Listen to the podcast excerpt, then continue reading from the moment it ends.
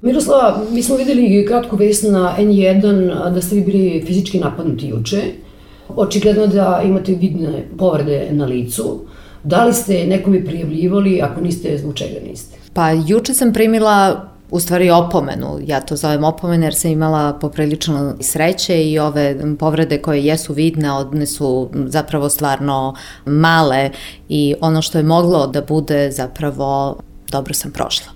Ne, nisam ovaj, nikome prijavila i to iz razloga što pre nekoliko meseci o, sam prijavila tužiocu za organizovani kriminal da primećujem da me određene grupe ljudi u različitim vremenskim periodima i u različitim delovima dana prate.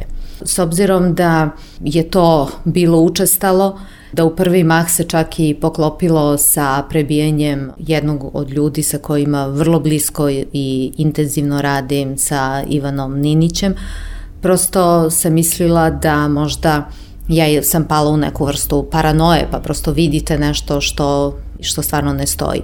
Međutim, kada su meni bliski ljudi sa kojima sam i privatno, a i poslovno sarađivala, kada su počeli da primećuju, pa mislim da smo i nas dve pričale u restoranu Moskva kada ste vi primetili da me neko ovaj prati, tada sam zapravo shvatila da je vreme da se obratim specijalnom tužiocu.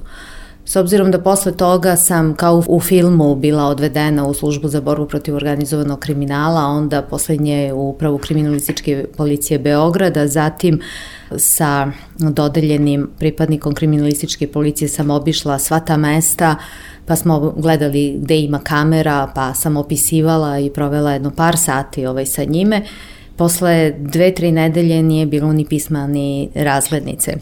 I svega toga su uspeli da pošalju iz policijske uprave e, na vrata stana moga sina, policijskog pozornika koji se raspitivao da li se mama plaši i da li je mama ugrožena. Tako da sam ja i to tada shvatila kao opomenu, da ne kažem malo grublje kao pretnju, a ovo juče je samo jedna matrica koja se ponavlja u jednom potpuno rasturenom društvu. Tako da taj čin koji se juče desio, Na svu sreću fizički me nije mnogo povredio, a sa druge strane, ako su mislili da će to biti opomena da ovaj, stanem, očigledno da neko nije dobro uradio moj profil. Kada ste malo pre rekli, samo da se podsjetimo da je vaš saradnik s kojim ste blisko sarađivali na onom izveštaju o vlasničkoj strukturi medija, da je on prebijen takođe ispred svoje kuće.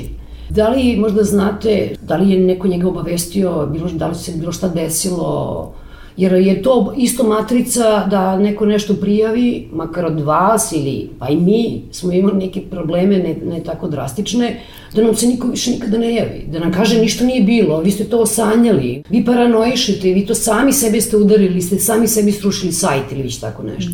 Pa što se tiče Ivana Ninića, mi nema ni pisma ni razglednice, znači sve to, krugovi se sužavaju, pa su se sužavali, pa se sužavaju, ali ovaj, to je očigledno njima mnogo veliki problem da se pronikne zapravo u određene političke strukture koje očigledno komanduju ovakvim prljavim stvarima. Jer ovo je previše nisko i previše prljavo i ne umem čak ni da se odredim prema tome.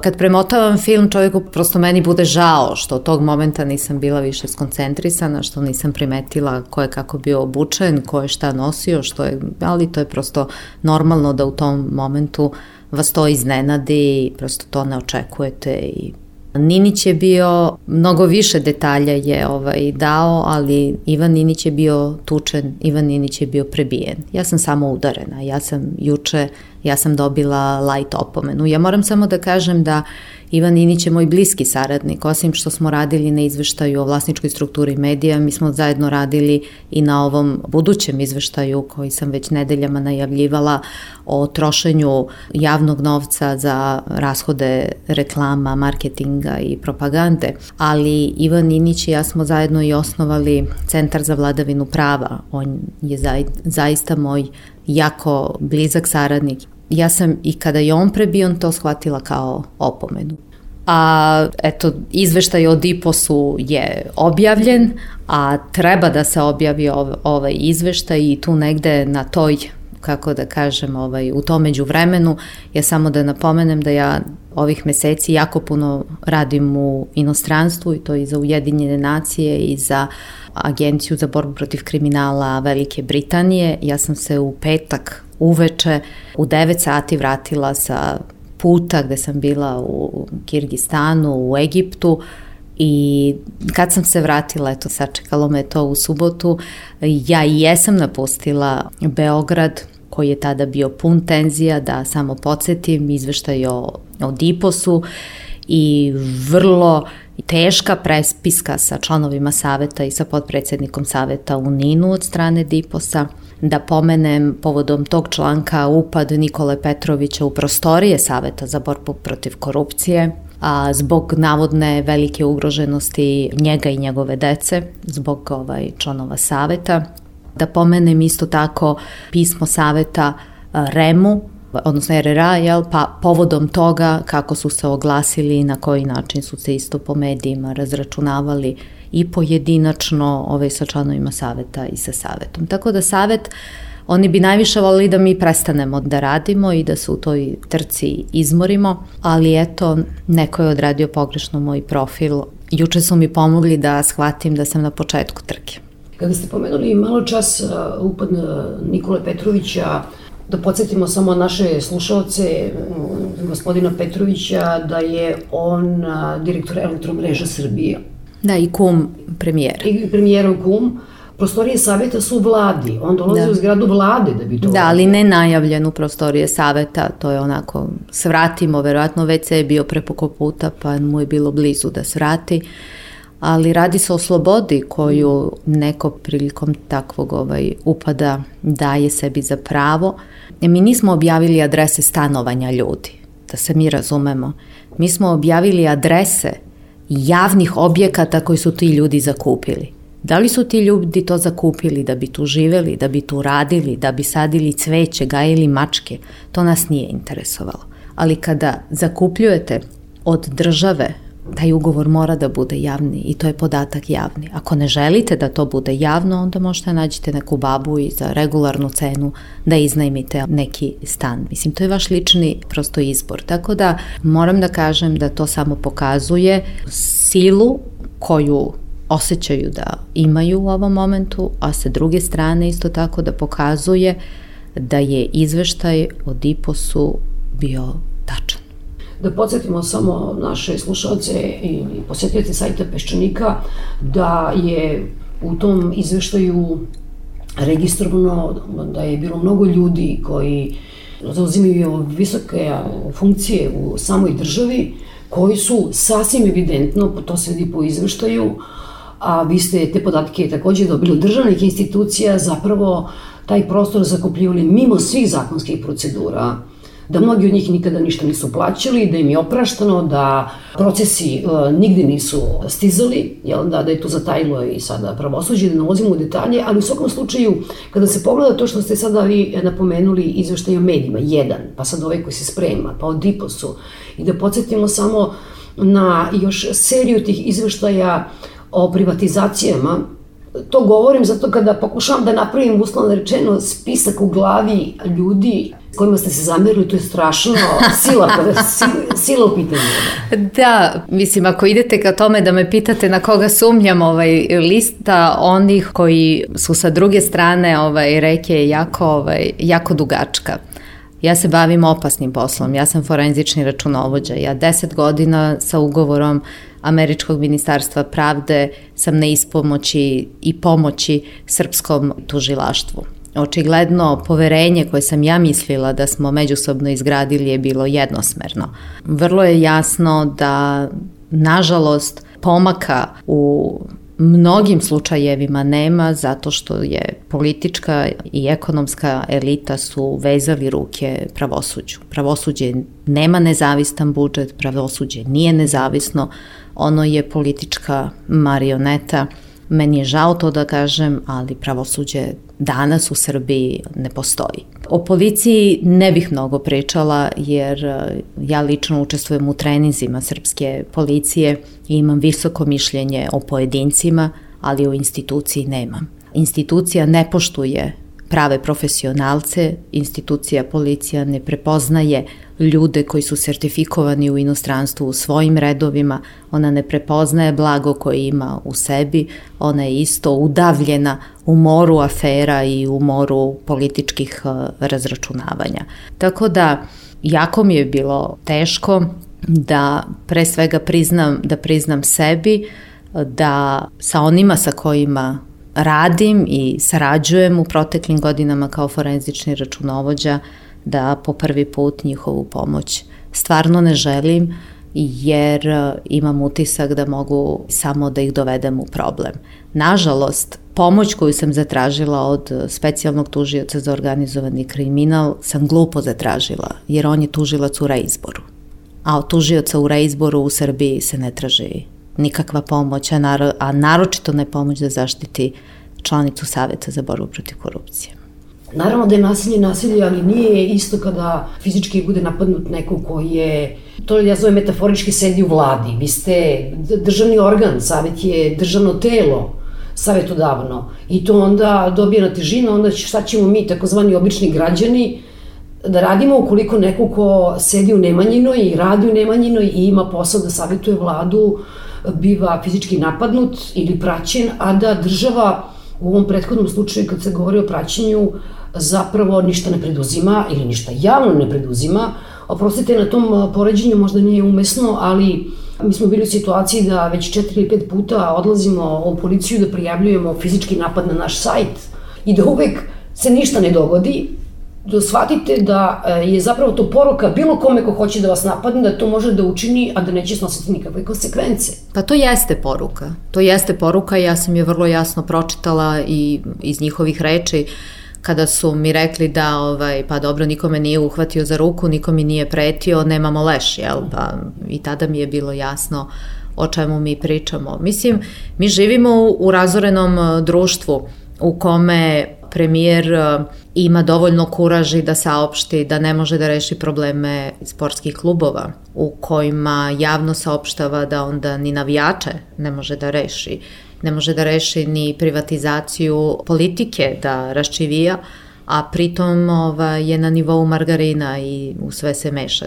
Vi ste i u ovoj prvoj izjavi rekli da sumnjate da bi ovo mogla biti opomena za izveštaj o medijima koji se spremaju, koji smo najavili u emisiji ovde kada smo radili Peščanik, koji se nadam da ćemo detaljno pretresti kada on bude izašao na svetlo dana, to jest kada bude e, prvo videla vlada, kao što to obično je i red. Međutim, I onaj prvi izveštaj o medijima o kojem smo govorili prošle godine, on se ticao vlasničke strukture medija, gde smo mi jasno videli da se preko vlasničke strukture medije mediji kontrolišu u ogromnoj meri. Mi sad imamo ovaj proces privatizacije koji je po tome kako je teklo, to je dosta skandalozno na kraju i ispalo. E sad, tu je u pitanju ne samo moć i kontrola medija, tu je sada, sudeći po ovom izveštaju, samom nazivu, u pitanju ogroman novac. Mi tu govorimo o stotinama miliona Jeste. evra. Mi smo naučili sa prethodnom vlašću da je to bilo u rukama određene grupe ljudi, a međutim ima puno indicija da je, su sada se samo ruke promenila, da je koncept ostao isti. Dakle, da li mi govorimo tu o tome da u sledećem izveštaju možemo da očekujemo prilično jasnu sliku o tome ko, zahvaljujući novcu, kontroliše, kontroliše medije, jer ja znam da ste vi se žalili da ne možete dobiti elementarne podatke od EPS-a, od Telekoma. Potpuno ste u pravu, taj novi izveštaj faktički će pokazati koliko je tržište oglašavanja u Srbiji, ali tržište oglašavanja koje se plaća javnim novcem. I to je ono važno što se zna. Svako ima pravo ako svojim novcem želi da angažuje nekoga, da to radi mimo tendera i mimo pri bilo kakvih procedura, prosto da sam uspostavi procedure trošenja svog novca. Veliki je problem što u ministarstvima, u agencijama, u fondovima, u javnim preduzećima, kako na državnom nivou, tako i na lokalnom nivou, javni novac je moj novac. Javni novac je novac onoga ko je na čelu te organizacije ili, ili ovaj ministarstva. I oni se tako ponašaju. U ovom izveštaju se pokazuju veze upravo između političkih partija koje su na čelu određenih javnih preduzeća i ministarstava, kako određene poslove mimo procedura ili izigravajući dovodeći do potpunog absurda određene, određene procedure, da oni faktički daju svojim političkim istomišljenicima. Sa druge strane, pričamo o jako velikom novcu i paradoksalno je da se to dešava čak i u javnim preduzećima koja su gubitaši čak u javnim preduzećima koja su hronično na, na budžetskim jaslama kakva je jedna železnica. A, da ne pričam uopšte o tome da Telekom, Srbija, Gas ne žele da obelodane ovaj podatke, pritom ovde pričamo o jednom preduzeću koje treba da se privatizuje, da ne pričamo samo da sa prošlom političkom garniturom smo imali i osnivanje one arene, arene sport koja je krajnje na sumnjiv način odrađena i gde je vidno oštećen budžet ovaj, Republike Srbije, o čemu smo u prethodnom izveštaju o vlasničkoj strukturi i pisali. Tako da, trend je isti. Promenili su se određeni igrači, određeni igrači se nisu promenili, nego su samo dresove i patike ovaj presvukli, ali obrazac je, obrazac je ovaj potpuno isti. Ono što je problem, problem je što su to naše pare. Jer faktički kada neko troši od javnog preduzeća, on uskraćuje faktički smanjuje dobit, ta dobit bi išla u budžet, iz tog budžeta bi se isplaćivale mnoge druge stvari. Pa je paradoksalno kada pričamo o jednoj ogromnoj sumi u zemlji koja socijalna primanja, odnosno davanja socijalno ugroženim kategorijama su vrlo mala, kada penzionerima smanjujemo primanja, onda ovo što o čemu pišemo u novom izveštaju, onda to stvarno zapravo pokazuje na jedan paralelni svet i ovaj nepristojni svet bahatog ponašanja sa našim parama, jer to su pare građana i građanki Srbije. Mislim da privatizacija medija neće ništa dobro doneti ovaj, u Srbiji. Ovako se potvrdila pretpostavka iz našeg prošlog izveštaja da će određeni eksponenti političke i ekonomske elite pokupovati medije i da će napraviti svoju infrastrukturu za buduće izbore. Tako da to vlasnička struktura sama po sebi u Srbiji ne znači, ne znači mnogo, a, mnogo više znači koga taj vlasnik poznaje, sa kim i šta čini vladajućoj strukturi i šta u kontri dobija. Samo da napomenem da u ovom momentu Ja ne znam koliko građana i građanki Srbije se suočava sa izvršenjima zarad neplaćenih računa, infostana, za struju, za televizijsku pretplatu i tako dalje. Ja sigurno nisam ta koja bi imala samilosti prema onima koji ne izvršavaju plaćanja u roku u kome, u kome treba, ali s obzirom da je ekonomska situacija stvarno katastrofalna ovaj u zemlji, a da je čak i premijer, kada nije bio premijer, pozivao građanstvo da ne plaća pretplatu za televiziju, vrlo je interesantno da se sada građani suočavaju sa tim prinudnim naplatama. Isto tako Poreska uprava sprovodi vrlo interesantne, daju opomene gde vi kada platite po toj opomeni vama se u stvari skida sa neke kamate vam se skidaju, a onda sa tom opomenom vam ovi, oni izdaju rešenje i rade plenitbu sa vaših računa, što isto je katastrofalno šibicarenje koje trenutno sprovodi Poreska uprava. I zašto o svemu tome pričam? Zato što pričamo o hiljadama dinara duga, a onda imamo reprograme jednoj televiziji ružičastoj u milionima i onda ni to ne plaćaju, pa onda dobijaju reprogram reprograma i tako dalje. I onda, eto u ovom novom izveštaju, kada smo tražili razne tokove novca, otkrijemo i da su dobili kredit za podstice izvoza od, od AOFI-a, verovatno da bi platili taj isti porez. Znači, tu je najveći problem. Znači, tu je problem.